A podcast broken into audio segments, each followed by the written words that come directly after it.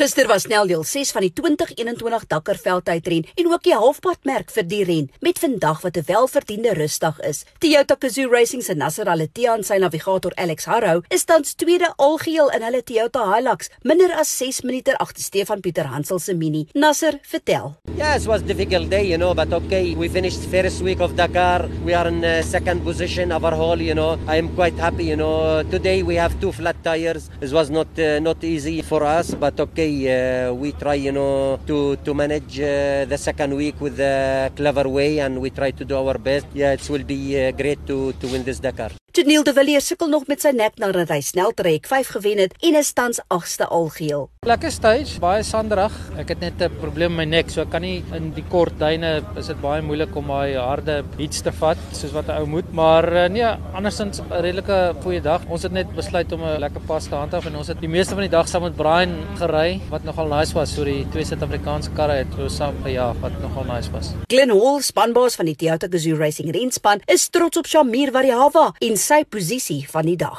Shamir, I think for the day is great. He had one puncture. I gave him the target of finishing 15th, so he'd have a nice starting position for the marathon, and he was 16th today. So really, mission accomplished.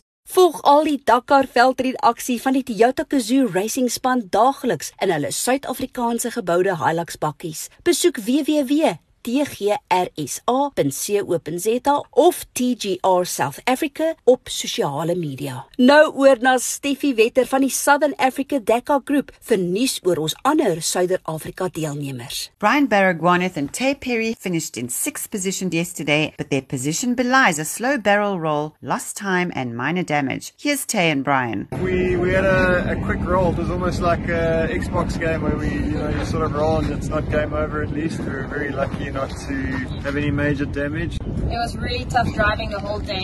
Dunes non-stop, very complicated dunes. Uh, they were tricky, and a lot of the time we'd have the sharp edges on the wrong side. So the cars were really struggling out there. But the car's still in one piece. We're still in one piece. We managed to fight back some time after our roll. So rest date, we can go and get some sleep. The car can get rebuilt, and, yeah, and we, we live to fight the half of the Dakar. Let's do this. Ross Branch has had a spectacular Dakar so far, finishing a mere 13 seconds behind winner on yesterday's stage, Beretta. It's been an incredible race so far. It's been uh, such a yo-yo effect with all the results. One day you'll do really well, and the next day when you open in the, the road, it goes completely the other way. So it's it's been extremely tough and uh, definitely the hardest rally I've done up to date. I'm enjoying it. You know, I'm just going out every day and trying to have as much fun as I can, and you know, try and navigate. That's the key issue for for this race. Navigation has been tough and controversial to say the least. Russ is upbeat about these challenges. It's a real crazy race this year, but you know, it's, it's going to be an important second week. You know, for Dakar, you need 10,000 kilometers to win it, and you only need one to throw it all away. So you've got to tread lightly and give it everything you got when you can, and be, be a little bit more sensible when uh, things get rough. So Dakar's all about navigation. You know, there's not many people that can navigate as fast as they're riding, but there's a lot of guys in the world that can go super fast and, and not need to navigate. Um, I think Dakar's all about navigation and uh, it is really difficult, but uh,